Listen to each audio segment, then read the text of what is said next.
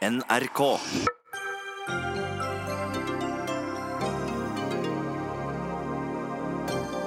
For første gang siden 1971 har Indias luftforsvar kryssa inn i pakistansk område. Den farligste situasjonen vi har i verden akkurat nå, sier forsker. Det å holde seg unna jobb for å bli frisk er som å pisse i buksa for å holde seg varm, mener leger som roper varsko om en syk sykemeldingskultur. Og Fylkesmannen åpner for uthenting av eksklusive blå isbiter fra svartisen i Nordland. Hvorfor ofre et så stort naturinngrep for så få arbeidsplasser, spør miljøråd i fylket.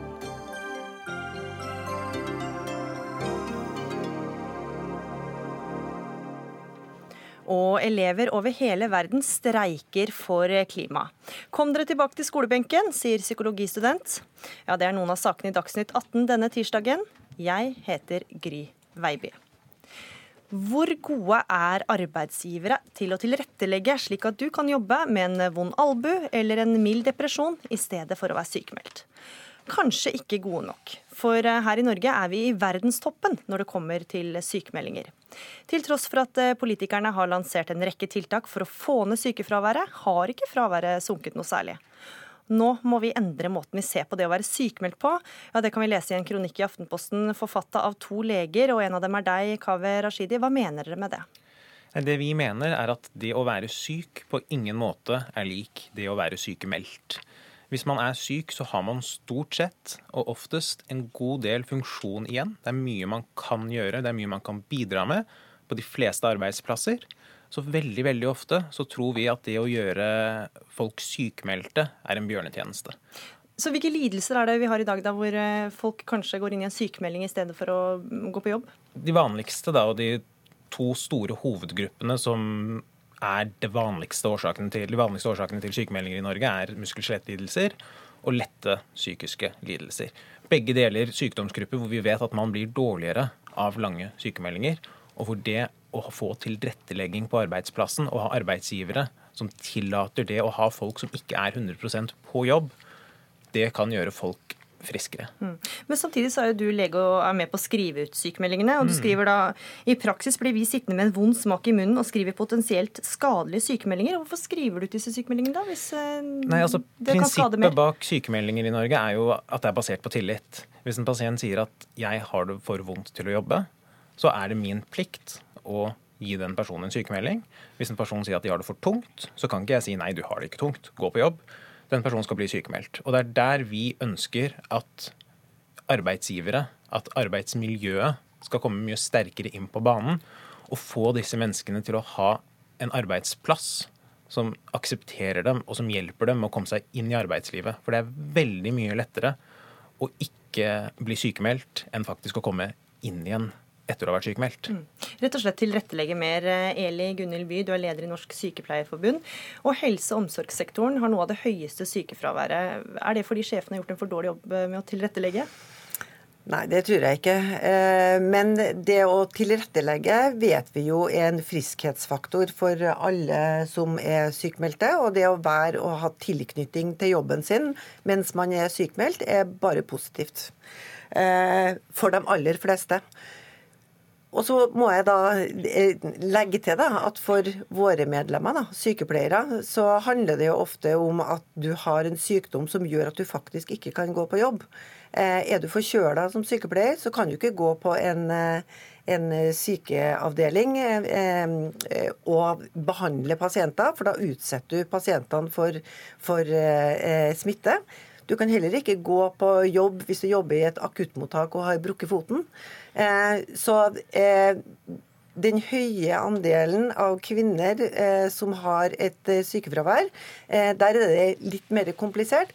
Men jeg er helt enig. Tilrettelegging eh, og, og, at sykemeldinga er basert på tillit, det er helt klart. Mm. Men, eh, men, det er litt mer komplisert som så. Og for våre medlemmer eh, så er nok dette her eh, et spørsmål med, no, med noen spørsmålstegn eh, bak, da. Ja, Rashid, det er jo forskjell på jobber. Er det sånn at din kronikk egentlig er basert på den som jobber på kontor, da, hvor det f.eks. er lettere å tilrettelegge? ingen måte. Altså, for å ta en ytterverdi, da, hvis Klæbo hadde brukket beinet, så mener jeg at han fortsatt skal gå på jobb. Han trenger ikke å nødvendigvis gå tremila den dagen. Man kan sitte i smørebua, han kan gi moralsk støtte til de andre, han kan dele sine erfaringer.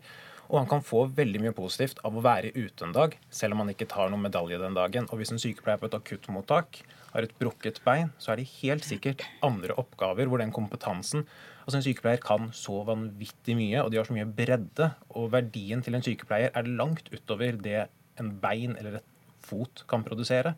De har så mange andre gode egenskaper at jeg tenker at en arbeidsplass skal kunne klare å utnytte det på en bedre måte, så unngår man si seks ukers sykemelding for det brukne beinet. Da. Ja, er man ikke god nok til å se på andre oppgaver, oppgaver, man kan gjøre? Det er jo ikke alle oppgaver som en sykepleier for gjør som er i kontakt med pasienter. Nei, men de aller fleste som jobber på sykeposter eh, og har direkte kontakt med pasientene, der må man ha andre hensyn enn på arbeidsplasser der man ikke har det. Det er jo klart at det er enklere å tilrettelegge hvis du sitter foran en PC-skjerm, eller om du har direkte kontakt med eh, syke og, og, og, døende pasienter med kanskje dårlig immunforsvar. Eh, så her er det ikke et enten-eller. Og jeg opplever jo at Våre medlemmer eh, de har altså en meget høy arbeidsmoral, og det skal mye til for at de er borte. Eh, men tilrettelegging det kan man helt sikkert også gjøre mye mer av innenfor disse tjenestene. Men tradisjonelt så har det ikke vært noen kultur for det ute i, ute i helsetjenestene i, i, kanskje så stor grad som man ønsker. da. Men, men, men arbeidsmoralen til sykepleierne og ivaretagelsen av pasienten, det er alltid det som må komme først om man er, er syk, eh, har influensa, har feber mm. eh, eller har et brukket ben. Vi skal koble på en tredje part her. Anne Katrine Hjertås, du er avdelingsdirektør for arbeidslivspolitikk i eh, KS. Og medlemmene dine de er ansvarlige for folk som bl.a. jobber på sykehjem og i barnehager. Hvordan legger de til rette for at folk kan jobbe seg ut av sykefraværet? Jeg vil jo si at, som du sa, at vi kommunal sektor vil levere velferdstjenester til hele befolkningen. Og jeg syns det er befriende med den artikkelen som vi har lest fra Rashidi og hans medkronikør, eh, hvor legene sier at de har et stort dilemma. Når det kommer arbeidstakere og står i døra hos dem og sier at 'jeg kan ikke jobbe', og så skriver du i kronikken at dette er vanskelig for oss, for vi tenker at kanskje egentlig burde du Sånn leser jeg kronikken din, da. Så tenker jeg at våre medlemmer, altså kommuner og fylkeskommuner, de er kjempegode på tilrettelegging. Dette gjør vi i stor grad. Eh, fordi at vi trenger de flinke folka på jobb. Eh, eller Gunhild By sine medlemmer og alle de andre ansatte.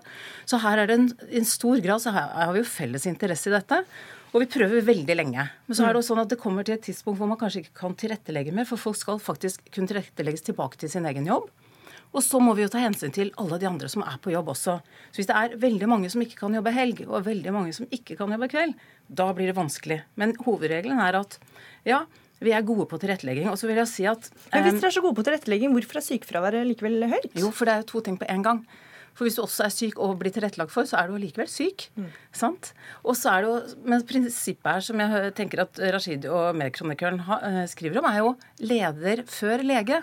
Og Det syns jeg er veldig interessant å diskutere. Kan vi få til en kultur hvor, hvor vi prøver å snakke sammen på arbeidsplassen først og spør lederen din hvordan kan du, ikke sant? I dag kan jeg ikke fungere optimalt. Kan jeg gjøre andre oppgaver? Og jeg tror Mange steder er det sånn. Men det, er jo, det forutsetter jo at vi har et godt tillitsforhold mellom ansatte og ledere. Og at hele arbeidsmiljøet på arbeidsplassene også er sånn. Si at ja, det er fint at du er her med den helsa du har i dag og så prøve å tilrettelegge for det. Det er klart at Når de først har gått til Rashid og fått en sykemelding, da, ikke, da, er det ikke så lett for arbeidsgiver å, å prøve å få endret på det. Og Rashidi, så kan det jo være krevende også for arbeidsgiver å faktisk tilrettelegge, da?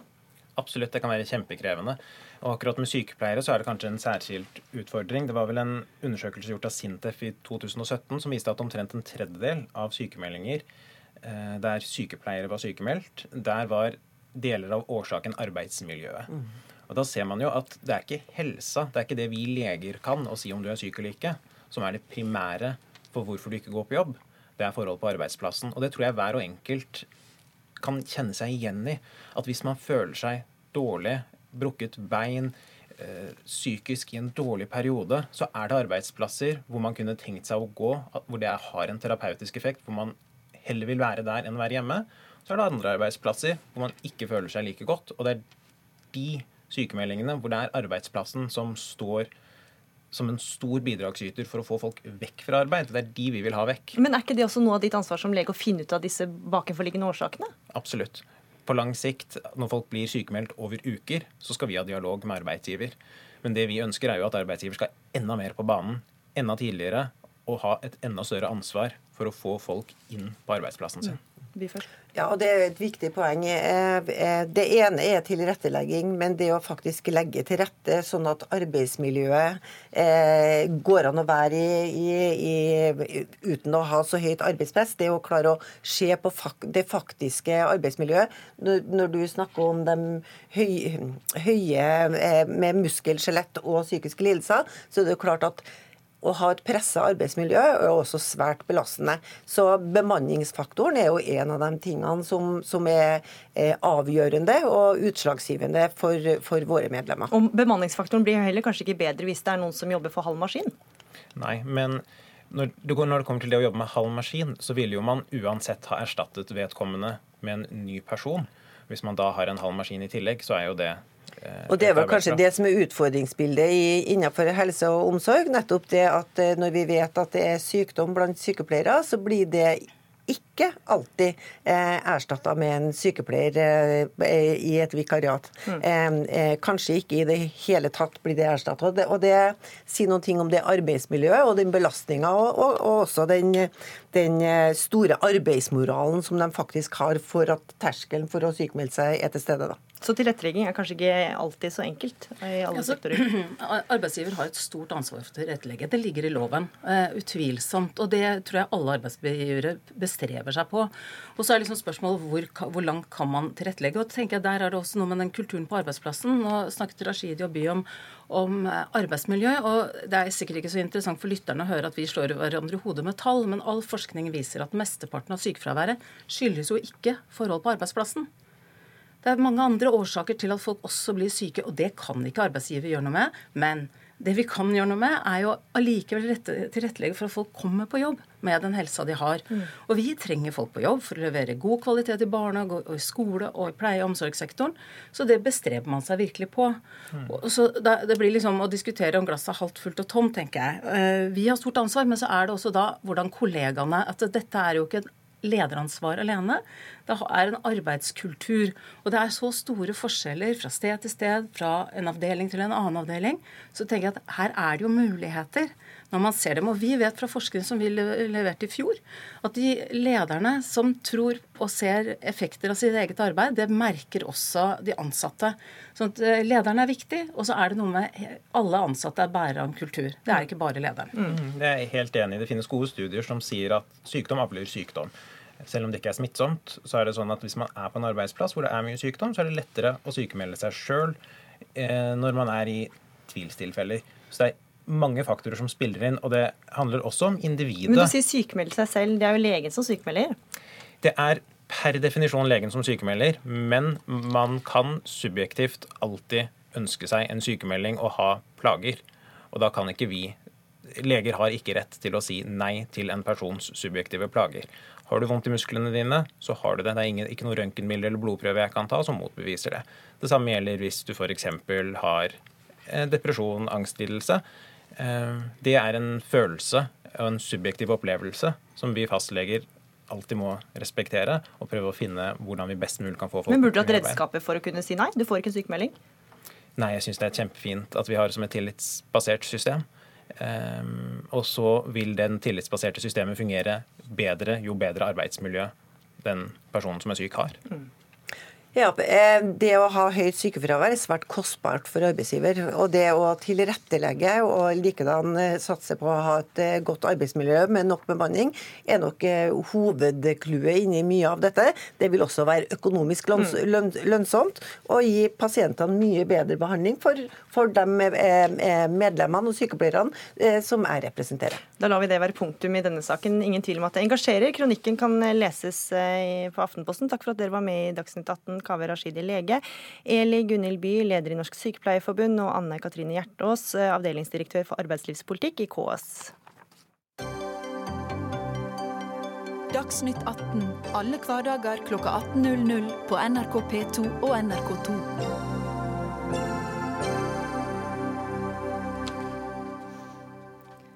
Det så lenge mørkt ut. Selskapet Swice sin forretningsidé, nemlig å selge flere tusen år gamle klirrende isbiter fra svartisen til restaurantbransjer over hele verden.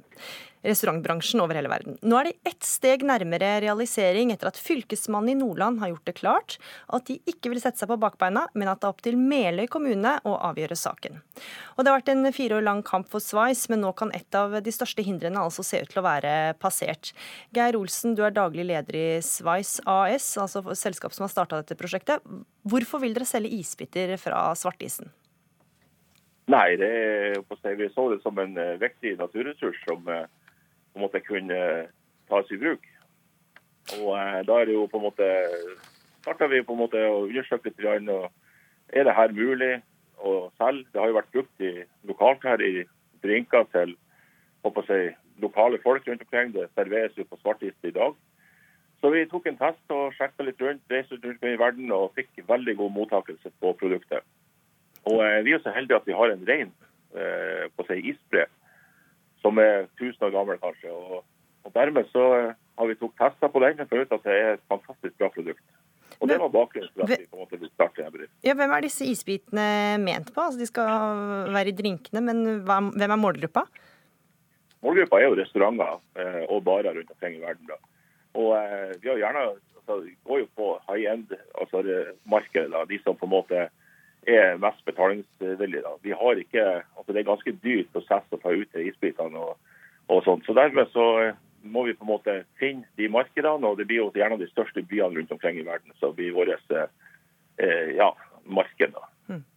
Fylkesmannen i Nordland, Tom Cato Karlsen. Eh, fylkesmannen har tidligere sagt nei til eh, prosjektet. Hvorfor har dere nå valgt å trekke innsigelsen? Vi har hatt et møte med eh, Meløy kommune og Sveis, eh, gått gjennom saken. Og så har vi sett på hva kan vi eh, gjøre for at innsigelsen, altså hindringa fra fylkesmannens side, kan trekkes tilbake. Og Da har vi satt noen ganske strenge krav med hensyn til uttak av disse, denne isen, dersom politikerne lokalt skulle ønske å gå videre med dette prosjektet. Men det er altså ikke sånn at dette er et grønt lys eller en tillatelse eller noe sånt fra, fra Fylkesmannen i Nordland, men eh, vi har tatt bort eh, et av de hindrene som er for at eh, lokale politikere skal kunne bestemme dette. Som betyr at dere ikke vil hindre det? Vi vil ikke hindre fra våre side, men det er jo fortsatt mange steg igjen før dette eventuelt blir en realitet. Mm. Foruten at Sveis skal tjene penger på dette, hvilke fordeler ser du? Altså, Jeg har ingen eh, oppfatning av selve forretningsideen. Eh, min oppgave har vært å se om kan vi trekke innsigelsen på gitte vilkår eller ikke. Mm. Miljøråden i Nordland, Åse Refsnes fra SV. Du er forundret over at fylkesmannen plutselig snur i denne saken. Hvorfor det? Nei, for, for min del så ser jeg ikke at det er noe nytt i denne saken som skulle tilsi denne snuoperasjonen. Uh, og med så sterk kollisjonskurs med den forrige fylkesmannen, som er nylig avgått, så er jeg forundret. Eh, dette er et eh, stort naturinngrep som skal gjøres med relativt få arbeidsplasser, og jeg er da forundret at fylkesmannen eh, er, er villig til å ofre det. Men som du sier, så er det jo da særlige vilkår da, som han har satt for at kommunen skal få bestemme dette her? Sånn jeg oppfatter dette, og som den store allmennheten oppfatter dette, så er dette et klarsignal fra, fra Fylkesmannen. Eh, det er også Fylkesmannen som er en miljøfaglig instans og forvaltning som, eh, som er tydelig overfor Meløy kommune i deres behandling, eh, og er jo et tydelig signal om at de synes at dette er greit. Mm. Ja, Karlsen? Nei, altså, eh, Som jeg sier, så har vi vurdert hvordan kan vi bidra til at lokalpolitikerne kan bestemme dette sjøl. Er det en måte vi kunne sette kriterier som gjør at dette får de politikerne som er valgt av folket i kommunen der dette gjelder, bestemme. Og Det har vi funnet ut med de gitte IT-vilkårene som, som, er satt. Så jeg er litt sånn forundra over kritikken. fordi at i, Som regel så blir jo Fylkesmannen eh, anklaga for å være en instans som overprøver lokale myndigheter, mens her har man prøvd å finne en løsning som gjør at faktisk de som er valgt av folket i kommunen, kan bestemme dette. Ja, Refsnes, Det er jo fortsatt en demokratisk eh, prosess. Meløy kommune skal, det er de som skal ta stilling til eh, å enten realisere eller stemme ned dette prosjektet. Så hva er egentlig problemet da? Nei, det er jo helt klart. Men dette er jo eh, også områder av stor regional og nasjonal verdi. Eh, det er også Fylkesmannen klar over. Og da har vi som forvaltning på et regionalt nivå en helt klart ansvar til å gi tydelige signaler eh, gjennom våre muligheter for å påvirke dette, og si hva er det vi eh, mener om dette. Eh, og det mener jeg at vi skal ta på alvor. Mm. Men, men, da går man jo ut ifra at de politikerne som sitter lokalt, ikke evner å ta en korrekt avgjørelse, når man allerede nå retter kritikk eh, og sier at dette bør man bestemme på et nivå høyere enn politikerne i Meløy, for de er da angivelig ikke ansvarlige politikere til å gjøre de rette vedtakene skal få svare på det, Refsnes. Og da har, jeg lyst til å, ja, da har jeg lyst til å si at Det gjelder jo da alle eventuelle innsigelser som kommer fra Fylkesmannen i, i, i fremtiden. At alt skal eh, overføres, og alle myndighetene og alt skal overføres til de kommunale politikerne, og ikke at, at Fylkesmannen eller uh, fylkeskommunen har innsigelse på ulike miljøvernspørsmål som er viktige i en regional og nasjonal verdi. Ja, for Refsnes, Du frykter at dette inngrepet vil ødelegge for både næring og natur. På hvilken måte da?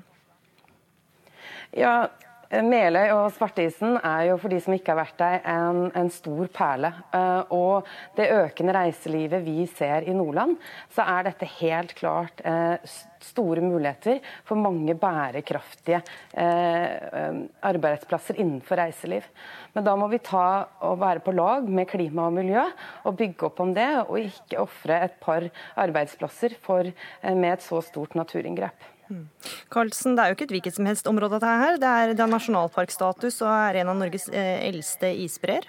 Det er et uh, veldig viktig område, og det er derfor vi også har satt noen uh, veldig klare krav dersom politikerne i Meløy skulle finne ut at de skulle tillate dette. Men uh, som sagt, dette området er så viktig og, og, så sårbart at jeg er helt sikker på at også politikerne i Meløy kommune har dette i bakhodet når de skal ta en avgjørelse på dette. Og, og Da er det også de bundet av de kriteriene som vi har lagt til grunn for at det eventuelt skal tillates. Ja, hvilke kriterier er det da? Det er bl.a. på når kan dette hentes ut, når, kan, eh, når på året kan man benytte seg av, eh, av helikopter osv. Som er ganske sånn strenge krav i forhold til eh, hva vi mener i saken. Mm. Refsnes? Nei, altså jeg mener fremdeles at det er uh, uttak av is i et sånt område med store friluftsinteresser, uh, og da stor motorisert ferdsel, både kjøretøy og helikopter, uh, vil være alvorlig for et sånt område. Mm. Um, og Det er jo derfor jeg også nå har bedt Eh, Klima- og miljødepartementet om et møte for å, for å spørre eh, om dette også er regjeringens politikk, når, når Fylkesmannen nå velger å, å, å, snu uventet i denne saken. Olsen, eh, denne saken har vært kontroversiell i Nordland, bl.a. grunnet helikopterstøy, som vi ble nevnt tidligere her. Og på et tidspunkt var det snakk om 6000 turer i løpet av sommersesongen i dette området, som altså da har nasjonalparkstatus. Mange naboer reagerte på det. Hva er status nå? Nei, Status er jo en helt annen. Vi har jo på en måte nå eh, fått flytta området. så at vi, Uttaksområdet er det samme, og det er et område som det er ingen eh, mulighet for folk å komme inn i. Eh, og, men, men, hva betyr det i forhold til helikopterstøy? Nei, det, for så vidt blir støyen han blir ikke å berøre de menneskene som ble berørt i det tidligere Kilvika. da. For at Vi flyr ikke ned dit, vi flyr over Holmastemninga. Det bor faktisk ikke folk der. Det er ingen hytte der. Det er ingen på en måte, det er be, veldig begrensa turistsatsing her også. og Det er også en, en praktiske årsaker. Det er ikke spesielt mulig å ha noe fritidsaktivitet der oppe. Så også må folk forstå at vi er jo ikke i det området der, der det er satser på turisme, som Engabreen alt sammen. Vi er oppe på med Storglomvannet. Mm. Og det, det, det, som er, Hvis du ser på det vi skal gjøre for noe Vi skal ta altså is som kalver ned i vannet i dag, så biter kraftproduksjon. Altså 27 sekunder årsproduksjon til Statkraft er den lille isen vi skal ta ut. Det er jo ikke noe inngrep i naturen i hele tatt. Vi har ingen varige installasjoner der oppe. Og det er ikke synlig at når vi har vært der oppe og henta ut isen, og vi skal ta ut isen på en tidspunkt av året da det ikke er turisme, og det er heller ikke mulig å ferdes i området. Så det er klart at Når vi flytter det til 1.9, så er det september og oktober da det er uansett veldig veldig lav sesong for turisme. Men på vinteren, når vi skal ta det ut med trakkemaskiner, så er det ikke mulig å ferdes der i det hele tatt. Veien er stengt, det er ikke folk der. Så det berører egentlig ingen. Så, i, så jeg si, etterlyser litt om Åse Refsnes i hele tatt vet hvor vi skal ta ut isen henne, og må sette seg inn i det. Og eventuelt, så Vi skulle gjerne ha et møte med henne for å klare opp en del ting. og vi var, det var hyggelig at vi fikk et møte med, med Fylkesmannen. Og eh, Vi føler jo at på en måte ting, når folk får sette seg inn i ting her, og se at det er ikke noe inngrip i naturen. Vi, det er ikke noe miljøfiendtlig. og Vi har en bærekraftig bedrift. og, og eh, Det er jo en fornybar på en måte, ressurs å komme. Det legger på seg 8-12 meter snø på fjellet hvert eneste år. Og eh, isen på svartisen har gått tilbake til 60-tallet med 1% Og det er en variasjon som er innenfor pluss-minus, som er lik null. Mm. Så Det betyr egentlig at det er på en måte og bærekraftig å ta ut denne isen her. Det er en is som blir vann. Ingen grunn til bekymring altså, Refsnes? Ja, jeg forstår jo at, at, at, selskapet har behov på å fremstille det på den måten. Men det er noe helt klart fra Nordland fylkeskommunens side, og tidligere også Fylkesmannen, at dette er i strid med både eh, natur- og friluftsinteresser og, og klima, eh, klimainteresser som vi, vi, vi, ser det. Og, og som den, det vi har fått på høring, så er det helt klart at eh, dette er ikke noe vi kan anbefale at Meløy kommune velger å gå videre med. Mm.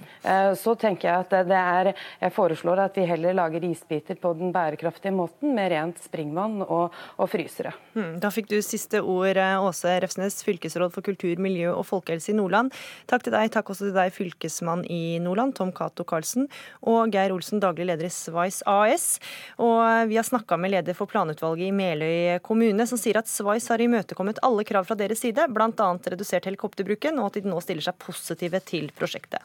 Men eh, som også sagt i denne debatten, debatten så er det opp til lokalpolitikerne å bestemme om isbitprosjektet skal realiseres eller ikke.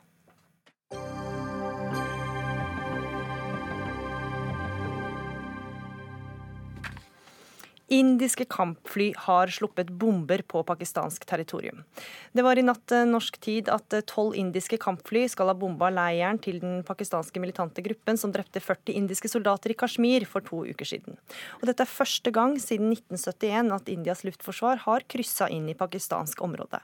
Mange medier spekulerer nå i om en atomkrig står på trappene, men eh, først Elisabeth Eide, forfatter og medieforsker ved Oslo Met. Du er i Islamabad i Pakistan eh, i forbindelse med en konferanse om fredsjournalistikk. Hvordan merker du til den økte spenninga i landet nå?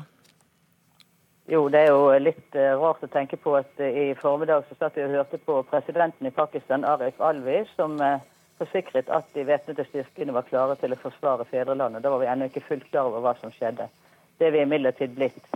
Og det vi ser er jo at vi på den ene siden har journalister og akademikere på denne konferansen som advarer og snakker om å vise besinnelse. Ikke alle gjør det. Her er det veldig forskjellige meninger. På den annen side så ser vi f.eks. hører jeg fra folk med sosiale mediekonto her som eh, opplever at på Facebook så er det mange som roper på hevn og det er jo også en del av virkeligheten. Men det som er helt tydelig, er at her er det to utrolig forskjellige fortellinger. Den indiske fortellingen er at de har eh, bombet og drept 200-300 eh, folk i denne Jaish-e-Mohammed, som betyr Mohammeds hær, en terroristorganisasjon som skal ha stått bak eh, angrepet for 14 dager siden. De hevder videre at de gjorde dette som et forebyggende tiltak, fordi at de mener etterretningsbevis, at de har etterretningsbevis for at det var flere angreper i emning. På den andre side så hevder Pakistan at de ikke har drept noen, og de viser gang på gang et bilde fra at eh, noe nedsarvet skogholt på disse bombene skal ha truffet, fordi at de mener flyene ble avskåret av pakistansk luftvåpen. For det andre så sier Pakistan at de står ikke bak eh, noe som helst eh, terrorangrep som stat. At det kan være terrorgrupper som kan ha gjort det. Det vil de gjerne ha bevis for i så fall. Og de kaller På TV her så skriver de om Indias krigshysteri, en slags logo nå for tiden. Hmm. Som i alle konflikter så er det sterke parter og sterke historiefortellinger på hver sin side. Christian Berg Harpviken, du er forsker ved Institutt for fredsforskning, PRIO. Og det er konflikten i Kashmir mellom India og Pakistan som står eh, sentralt. Og det er en konflikt som har vart lenge. Og Hva er det som er så spesielt med det siste som har skjedd nå, som har ført opp til dette? Nei, Det er jo første gang etter 1971 at eh, India har bombet på eh, pakistansk territorie. Det har vært eh, mange utvekslinger av kuler og krutt mellom India og Pakistan, og mange som har mista livet. Men det har skjedd langs grenselinjen, og det har delvis skjedd i dette omstridte grenseområdet Kashmir, som er et ganske stort territorium, men der eh, internasjonale grenselinjer ikke er avklart. Det går en delelinje som ikke har noen internasjonal status gjennom det området. Men Balakot, som ble bombet nå i dag, er altså et område inne på det vanlige pakistanske territoriet. Det er ingen tvil om at det er et angrep eh, på pakistansk suverenitet eh, sånn sett. Mm. Ja, For det er ikke hvilket som helst land dette her. Det er to atommakter. Hvor farlig er denne situasjonen? Nei, Jeg mener jo at dette er den farligste situasjonen i verden akkurat nå. Jeg har lenge vært veldig nervøs for situasjonen mellom Pakistan og India. Det er to atommakter, som du sier, men det er også to makter som har sett hverandre som eh, hverandres respektive eksistensielle trussel egentlig gjennom hele sin, eh, hele sin eh, væretid fra 1947 frem til i dag. Eh, atomvåpnene er eh, et faktum her fra 1998, da Pakistan testet sine atomvåpen, vel 20 år siden. Og det er mye større grunn til å være bekymret for at atomvåpen her kan tas i bruk, enten intendert eller ved en ulykke, enn de fleste andre steder i verden der vi har atomvåpen. Eide, er det en bekymring du merker på de rundt deg? Ja, Dr. Faisal, som er en kjent ekspert her, han uttalte seg nettopp på TV og sa at dette må dere ikke engang nevne. Altså Så farlig mener han det er. Og Imran Khan, statsministeren, har i en tale tidligere i dag sagt at én uh, hånd kan starte en krig, men ingen hånd kan stoppe. Så han har snakket litt med to stemmer. for På den ene siden har han snakket mye om at Pakistan har tatt fredsinitiativ, dialoginitiativ. Og på den andre siden så sier han også at han, uh, de er rede til å, å hevne seg. Men eh, her eh, lurer jeg også litt på i hvilken grad han er helt selvstendig i forhold til de væpnede styrkene. For det er jo ingen tvil om at ingen i Pakistan i nyere tid eller eldre tid for den saks skyld har kunnet regjere uten en viss velvilje fra hæren og etterretningen. Mm. Så hvem som egentlig kommer til å bestemme det som skjer, den overraskelsen som flere talsmenn for regjeringen nå lover, det er ikke så godt å si. Men det som jo er interessant, det er jo at eh, samme doktor Faisal sier at ja, i gatene så roper de på hevn. Men de som blir ofre hvis det blir hevn, og hvis det blir en eskalering, det er jo de samme folkene på gaten. Og Hvis vi kan føye til én ting til, så er det jo at Kashmir, dette omstridte området Det har jo vært flere meningsmålinger der. Og iallfall en av de jeg leste om nylig, så vil 90% verken tilhøre Pakistan eller India. De vil gjerne ha en egen stat. Så dette området er altså et område hvor folk lider, og hvor det er de det går utover denne eskaleringen som nå skjer. Nei, Det er jo interessant eh, i forlengelsen av det Elisabeth Eide sier her. Eh, det er ganske uklare linjer når det gjelder den pakistanske hæren. Og det er ikke noe tvil om, sånn som hun også er inne på, at eh, Imran Khan kom til makten i stor grad gjennom å inngå en ganske tett allianse med hærledelsen. Man hadde jo et militærdiktatur der frem til relativt nydig under president Musharraf, og så har man siden hatt Eh, demokrati, og det handler vel i stor grad om at de militære finner det mest opportunt å ikke synes så godt i offentligheten, men fortsatt i veldig stor grad eh, ha makten. Og spesielt når det gjelder utenrikspolitikk og sikkerhetspolitikk, så er det de som eh, bestemmer. Og den andre uklare linja her, som er det som gjør at India går til aksjon, det handler jo om at eh, pakistansk sikkerhetstjeneste har samarbeidet samarbeid ganske tett med ikke-statlige grupper. Grupper som bruker terror. Yaish Mohammed er mm. bare én av veldig mange. Og dette har pakistansk pakistanske sikkerhetstjenester og de militære i stor grad gjort for å kunne nekte for at det er deres ansvar, samtidig som de utfører operasjoner, eller bidrar til å utføre operasjoner gjennom disse ikke-statlige gruppene inne på indisk territorium, både i Kashmir og utenfor eh, Kashmir. For Indiske kampfly skal altså bombe leiren til den pakistanske militante gruppa Jaish eh, Mohammed. Du sa litt om det, men hva slags gruppe er dette?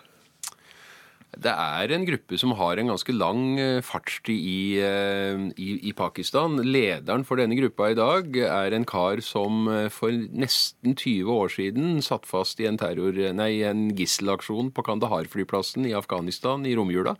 Romjula 1999.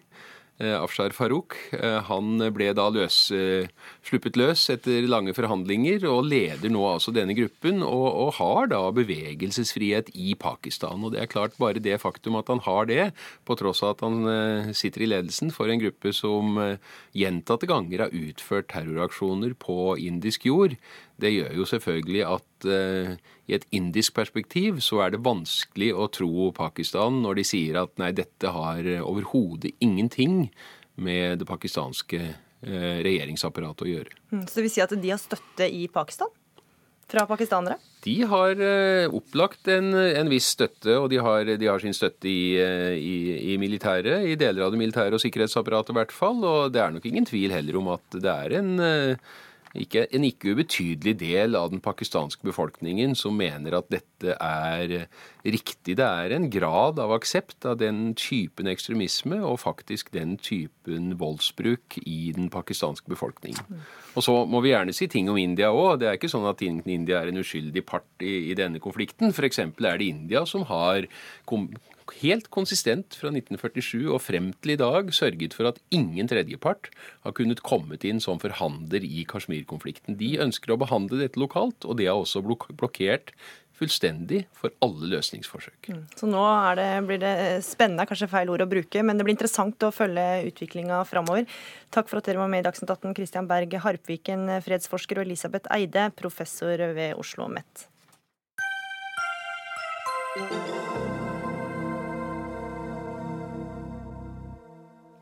Unge over hele verden klimastreiker etter å ha blitt inspirert av 16 år gamle Greta Thunberg fra Sverige. Også i Norge har barn og unge uh, ungdommer droppa skolen for å øke bevisstheten om klimaendringene vi står overfor. Men i et innlegg i Aftenposten i dag kan vi lese at skulking for klimaet virker mot sin hensikt. Ja, det mener du, Toralf eh, McCulloch Grande, du er psykologistudent uh, fra Oslo. Og på hvilken måte mener du at disse skoleaksjonene virker mot ja. sin hensikt? Så altså, Det første jeg vil si er at jeg tror ikke nødvendigvis det er noen motsetning mellom oss to i det hele tatt. For jeg mener jo, som jeg skrev i artikkelen, at det å demonstrere, det, det, er bra. Ja, Du er også enig ja. i målet? Klima... Og helt klart. altså Klimaproblemet er et problem. Mm. Men det jeg vil si er i forhold til dette med For det første så liker jeg ikke retorikken. Jeg syns det er veldig synd at um, Jeg tror løsningen på klimakrisen det er ikke nødvendigvis at politikerne fikser det for oss, det er at vi finner løsninger og forstår problemet og at de av oss med engasjement og ressurser til overs skaper disse løsningene selv. Mm.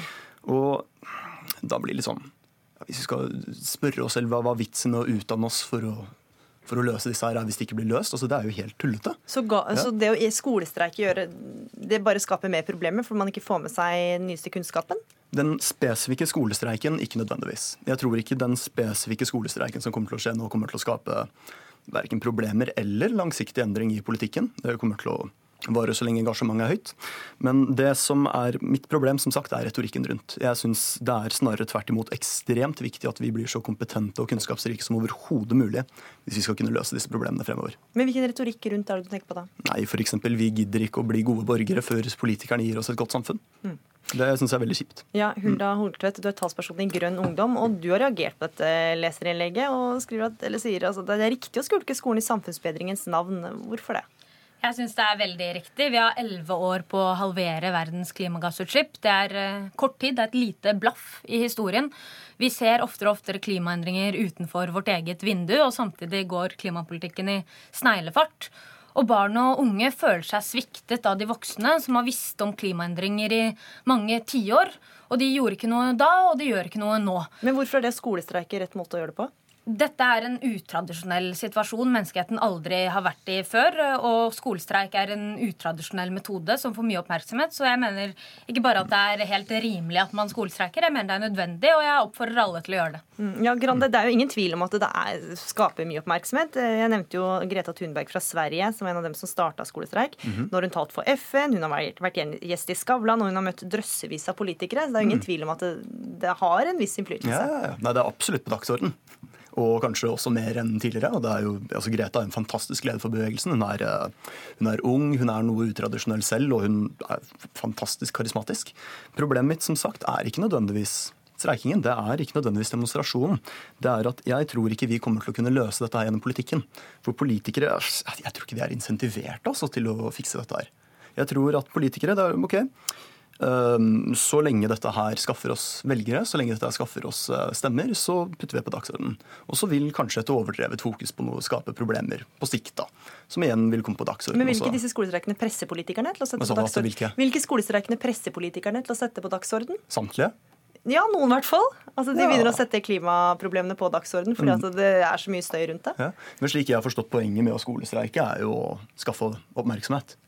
Da vil jo det naturligvis sette det på dagsordenen, vil det ikke? Mm. Ja. ja, de skolestreikerne som streiker nå, de mm. gjør jo en jobb som de voksne velgerne burde gjort for mange år siden. Nemlig å mm. sette klima på dagsordenen og forlange handling fra politikere.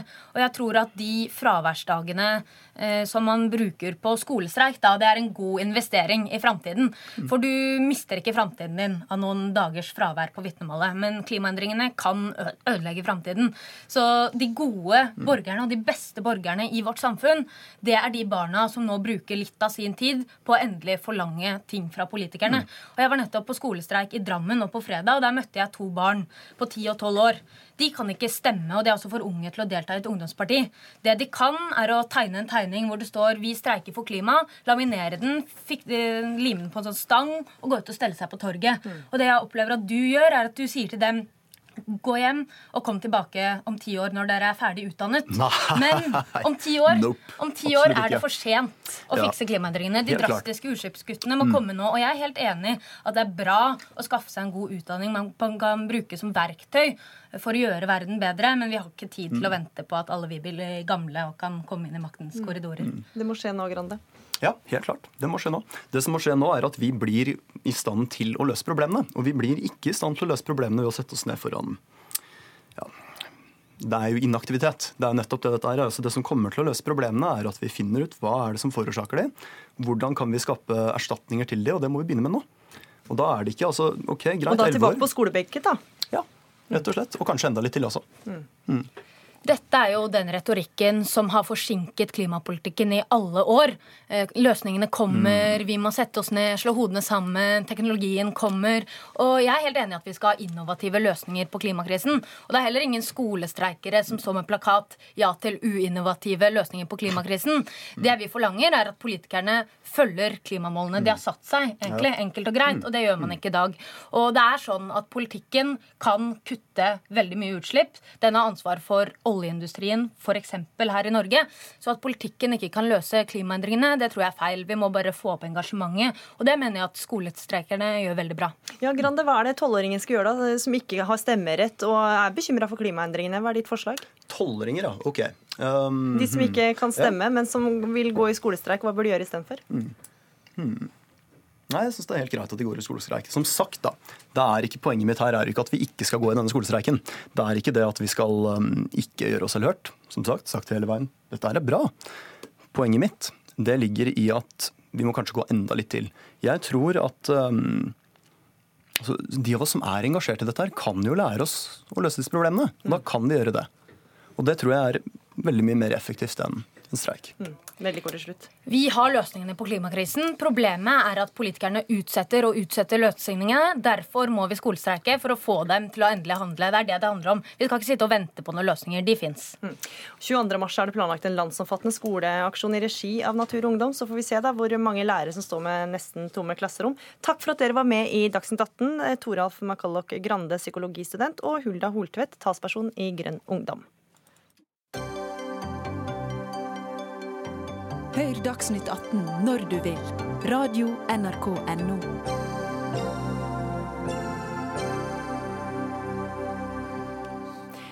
I morgen og torsdag møter Nord-Koreas leder Kim Jong-un USAs president Donald Trump i Vietnam. Dette blir de to statsoverhodenes andre toppmøte i et forsøk på å bedre forholdet mellom de to landene, og ikke minst mellom Nord- og Sør-Korea. Både Kim og Trump er nå på plass i Hanoi, og der er også du, Kjersti Strømmen, utenrikskorrespondent. Du er i Hanoi for å dekke toppmøtet for NRK. Og hvordan er byen prega av det som skal skje? Ja, Allerede nå så har de tatt navnet Fredsbyen, og ser ut til å prøve å sole seg i glansen av det viktige toppmøtet som skal være her de neste to dagene. Dessuten så er det en del av næringslivet som eh, nyter godt av at dette skjer. Blant annet så er det folk som lager hamburgere. Eh, en eh, gjør det med håret til Trump, liksom, med da ost som drysses på toppen. Samtidig som de lager en hamburger med kimchi-saus, som da skal være til ære for Kim Jong-un. Andre steder så har de da utvikla hårfrisyrer som skal ligne på både Trump og Kim. Så det er veldig kreativt, eh, i alle fall eh, det åpner for. Og hva vet du om møtene i morgen og torsdag? Ja, I morgen så skal de treffes ganske seint. De skal eh, ha et møte på det som kalles for tomannshånd, men i og med at de ikke snakker samme språk, så må de jo ha med seg tolk. Og eh, så skal de ha middag sammen, så i morgen er det vel litt sånn eh, takk for sist og kjekt å se deg igjen-type ting. For det virker jo som om disse her to har en ganske god tone. Og så er det vel torsdag da alvoret skal slå til, der de skal ha møte, så vidt jeg har forstått, hele dagen. Mm. Du kommer til å følge saken videre for NRK, Kjersti Strømmen. Takk for denne gang. Sunn Heidi Sæbø, forfatter og utenriksjournalist. Hvilke forventninger kan man ha nå til dette møtet mellom de to statslederne? Jo, jeg er ganske sikker på Vi vet at Nord-Korea går inn i møtet med et veldig klart ønske om sanksjonslette. Og det kan de godt få um, med litt hjelp fra Sør-Korea ved at man gjenåpner den eh, industriparken Kaesong som ble stengt i 2016, og en sånn felles turistattraksjon uh, Mount Komgang som ble stengt i 2008. Og så har det kommet veldig tydelige signaler om at vi kan håpe på at man skal få en fredsavtale som avslutter Koreakrigen på ordentlig, da, siden mm. den bare ble avsluttet ved våpenhvile i 1953. Um, og den vil jo i hvert fall kunne ha en stor symbolsk betydning. Og så gjenstår det jo å se om det egentlig blir så mye sikk, tryggere eller fredeligere i verden, da. For det vil jo i praksis si at man har gått med på at Nord-Korea har atomvåpen. Mm. Hvorfor er atomvåpen så viktig for Nord-Korea? Det har med vekslende styrke vært den store ambisjonen eh, i Nord-Korea siden 1950, slutten av 1950-tallet. Eh, og særlig da under Kim Jong-un så har jo både utviklingen av langtrekkende missiler og atomvåpen skutt fart. Um, og han har bygget sin Altså det å få atomvåpen eller kjernefysisk avskrekking er en uttalt ambisjon i hans doktrin, politiske doktrine. Hmm. Og Ifølge CNN så kan da en viktig del av avtalen være at Nord-Korea slipper eksterne inspektører inn i landet for å undersøke enkelte atomvåpensentre. Men hvor realistisk er det at eh, Kim gir tommel opp for det? Jeg tenker at Det er en av de tingene som kan skje. At de faktisk sier at man kan eh, få komme inn og se på anleggene. Det store spørsmålet er bare og hvilke garantier det gir oss for at Nord-Korea faktisk er i gang med en nedrustning. Om det vil gi oss noen fullstendig oversikt over hva slags anrikingsanlegg de har, hvor mange kjernefysiske stridshoder de har, osv. Mm. Um, tidligere erfaringer tilsier at um, det er ikke alltid vi får hele sannheten. Forrige, dette er jo andre gang de møtes, og forrige gang de møttes så var det litt uenighet om hvor vellykka dette møtet var. Er det, er det noen grunn til at det kommer til å bli bedre denne gangen?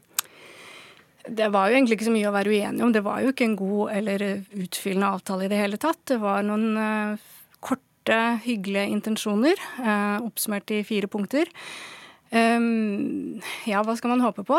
Det har ikke vært veldig mye framgang siden de møttes i juni. Den arbeidsgruppen som Mag Pompeo har vært en del av, har ikke fått til noe. Og selv det statlige nordkoreanske nyhetsbyrået har jo gått ut med en uttalelse i forkant hvor de setter amerikanerne under press.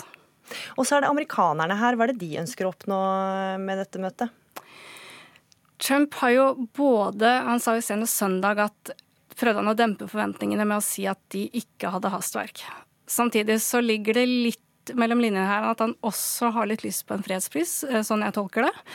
Um, han, måten han sier at 'ingen har gjort dette før meg i historien'. Um, og det er klart at For å få en fredspris så må han jo i hvert fall få til en avtale. Og så er det jo ikke sikkert at det er så viktig for han om det er en god eller dårlig avtale. en avtale er en avtale.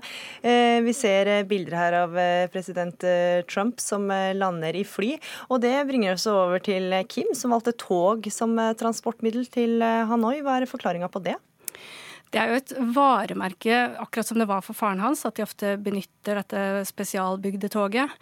Um, han har jo vært på seks utenlandsturer, og han har benytta tog. Um, og så skal vi jo heller ikke utelukke at på veien hjem da, gjennom Kina, at det kan bli et møte med president Xi der, sånn at de også kan få snakket sammen. Mm, ja, Hva vil det bety, da, et sånt møte? Uh, Xi Jinping er veldig interessert i å være en del, eller i hvert fall få innsyn i hvilken dialog Kim Jong-un har med Washington. Uh, og så er jo samtidig Kim Jong-un interessert i å få et bedre forhold til Kina. Mm. Tusen takk, eh, Sunn Heidi Sæbø, forfatter og utenriksjournalist. Og er, vi kommer til å følge denne saken eh, videre, for det er jo i morgen eh, møtene er. Takk for at du var med i Dagsnytt 18.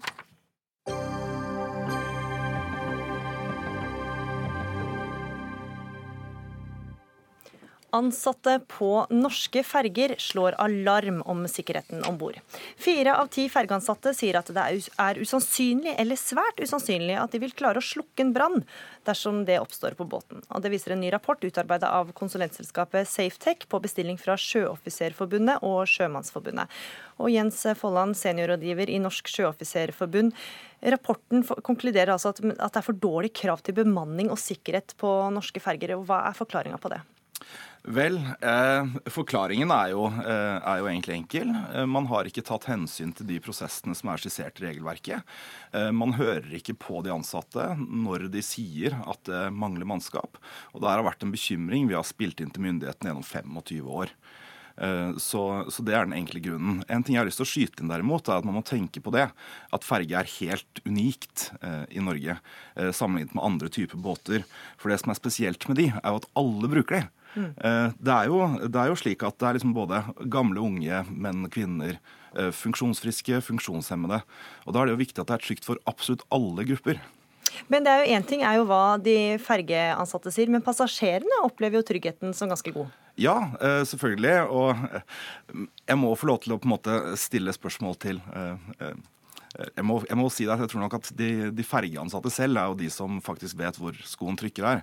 Eh, jeg også, når jeg tar fly eller tar ferge eller, eh, eller kjøper noe på, på, en butikk, så har jeg jo tiltro til at de som jobber der, eh, har kompetanse nok til å rådgi meg, assistere meg osv. Mm. Lars Alvestad, fungerende sjøfartsdirektør. Hvordan reagerer du på det som har kommet fram i rapporten, og den engstelsen ansatte har?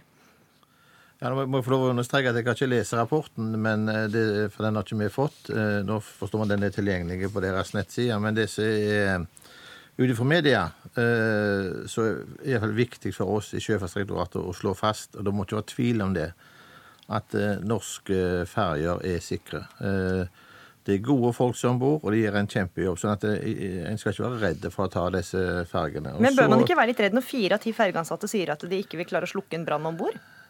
Jo, i, i, den grad eh, brannen oppstår. Men, men eh, all statistikk viser jo her at eh, det er, hører til sjeldenhet at sånne ting skjer. Og så er det en prosess rundt dette som er viktig å, å få fram. Og det er det at ja, det har vært diskutert kanskje i 25 år. Men i de 25 åra så har det vært utallige møter og sammenkomster mellom de som organiserer arbeidsgiver, de som organiserer arbeidstakerne og oss om løsninger på dette. og Vi har justert regelverket i tråd med det, og vi har gjort forskjellige tiltak. Eh, og sånn, eh, Når det gjelder bekymringsmeldinger som kommer inn til oss Men det du sier at det er god nok bemanning som det er i dag, etter disse samtalene gjennom 25 år? Nei, altså, det, det kan være enkelttilfeller her, og det, og, og det er det jeg vil, liksom, har lyst til å få fram her nå. Så er det viktig å få fram òg det at eh, i enhver eh, sammenheng så fastsetter vi bemanningen basert på søknad ifra Eh, rederiene. Eh, de har en hel eh, dokumentasjon som skal inn til oss. Det gjelder både søknadsskjema i seg sjøl, det gjelder uttalelser fra tillitsvalgte, det er evakueringsanalyse, alarminstruks og ressursanalyse. Basert på dette så godkjenner vi bemanningen i forhold til søknaden eller ikke. Og så har vi tilfeller der vi ikke syns det er tilfredsstillende det de har sendt inn, der vi ønsker mer informasjon, ha en dialog på det. Og i andre tilfeller så sier vi at nei, dette her er ikke godt nok. Eh, dere må opprettholde en høyere bemanning. Og så det, ser vi da at rederiene klager på dette. Eh, og det går inn til departementet på vanlig klagebehandling etter det hos oss. Så det, det, er begge deler her. Men eh, Jeg tror summa summarum så er, er dette greit. Og så er det ikke nedgang i, i antall ansatte på ferjene til våre statistikker i forhold til, til tidligere. Vi gjorde en justering på, på bemanningen noen år tilbake i tid. Det var når vi fikk forbedra evakueringssystemer, sånn som MES som kom. Mm. Og det var ting som ble gjort i en dialog med, med aktørene. Mm. Ja, Folland, du sitter og rister på hodet her. Ja, eh, her er det jo en del ting å ta tak i. Eh, først og fremst så eh, vil jeg ta tak i det med rapporteringssystemet til rederiene. Fordi det er jo helt sånn som, som blir sagt, at rederiene skal fylle ut et skjema, man skal ha samtaler med tillitsvalgte osv. Nå er ikke rederiene her for å fortelle om den prosessen? Eller? Nei, nei, og jeg skal ikke ta rederiene på det heller. Det som er problemet, er at Sjøfartsdirektoratet så sent som i 2015 uttalte nettopp det, at ikke de har ressurser nok til å kunne gå gjennom det her ordentlig på en debatt i nettopp Haugesund om bemanning og sikkerhet. Eh, ressursene hos Sjøfartsdirektoratet har vel ikke endret seg eh, betraktelig siden da, på bemanningssiden. Eh, videre så var poenget med en av disse, disse regelendringene som også blir tatt frem her, som kom i 2009, det var en ny forskrift. Poenget med den er jo at man, at man skulle sikre en systematisk gjennomgang. Den skjer ikke. Man, man opplever, og vi må tro på det våre tillitsvalgte og våre medlemmer sier, det skjer ikke at de blir hørt i verken interne prosesser eller i etterkant. Og det er det som er viktig.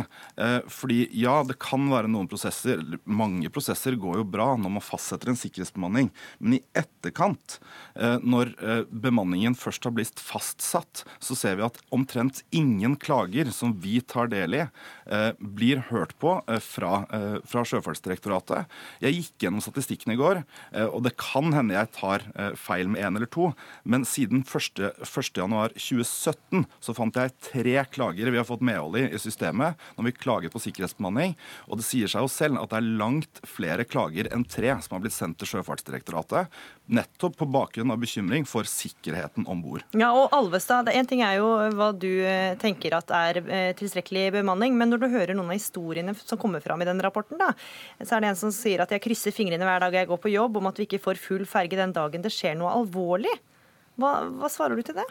Jo, altså, det, Dette med bekymringsmeldinger det er jo noe som vi tar veldig alvorlig. For, altså, det som var helt klart før vi går videre i diskusjonen, det er det at eh, skipssikkerhetsloven pålegger rederiet ansvar her. Sånn at det er helt klart rederiet sitt ansvar å ha tilstrekkelig eh, bemanning. Og så har vi denne søknadsprosessen uh, som her er omtalt, så da eh, tar dette videre. Men det som er er litt viktig å si at når vi får bekymringsmeldinger, eh, så tar vi det på, på alvor. Vi fikk bekymringsmeldinger flere fra Sjøoffisersforbundet tidligere. Og det resulterte i at vi hadde et møte med Sjøoffisersforbundet og NHO Sjøfart, som da er arbeidsgivertakerorganisasjonen her i dette, og diskuterte utfordringen. Etter det har skjedd, så, har vi òg sett Eh, dedikert personer som systematisk nå går gjennom eh, farge for farge, både når det gjelder bemanning, utstyr. Eh, så, sånn at vi skal være sikre på at vi får med oss det som folk er bekymra for, så vi kan gi gode beslutninger. I tillegg så har vi sjøl sendt ut en spørreundersøkelse som går på, på maritim sikkerhet, så vi får den formen om 14 dager, den rapporten så vil være med i det arbeidet vi gjør framover. fremover. Mm, mm. Ja, eh, som, som, Alvestad nevner her, så har vi hatt samtaler, og det har vært eh, kontinuerlig, og mange av disse har vært fruktbare. Men sannheten eh, er jo fremdeles at våre medlemmer mener at bemanningen er for dårlig. Eh, jeg vil gjerne trekke fram én ting, og det er at sjø, Sjøfartsdirektoratet de skyver rederiene litt foran seg, den retorikken de bruker akkurat nå.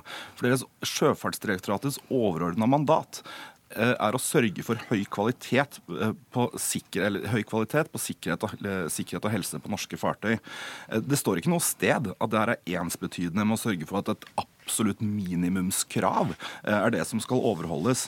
Og Om de tenker at på en måte den eneste funksjonen er å se om minimumskravet blir overholdt, da, da mener jeg helt ærlig at det er ganske lite å hente fra skrivebordet i Haugesund. Mm. Så her må, her må Sjøfartsdirektoratet være sin rolle bevisst, komme på banen og si klart ifra sammen med oss i fellesskap som parter. Regelverket er ikke godt nok når disse bekymringene utløses. Du skal få svare kort på det, Alvestad. Ja, altså det er Alle kjent med skipssikkerhetsloven som pålegger ansvaret. Og så har vi et ISM-system om bord disse ferjene som også regulerer operasjonen på en, på en, god måte. Og så er det sånn at eh, eh, jeg må ikke glemme at det er to parter her. altså Både arbeidsgiver og arbeidstaker har jo en plikt til å snakke i lag. Mm. De må jo Og det er jeg altså, sikker på at dere kommer til å gjøre mer også. Takk for at dere var med i Dagsnytt 18. Lars Alvestad, fungerende sjøfartsdirektør. Jens Folland, seniorrådgiver i Norsk Sjøoffiserforbund. Dagsnytt 18 er over. Fredrik Lauritzen, Erik Sandbråten og Gry Veiby takker for følget.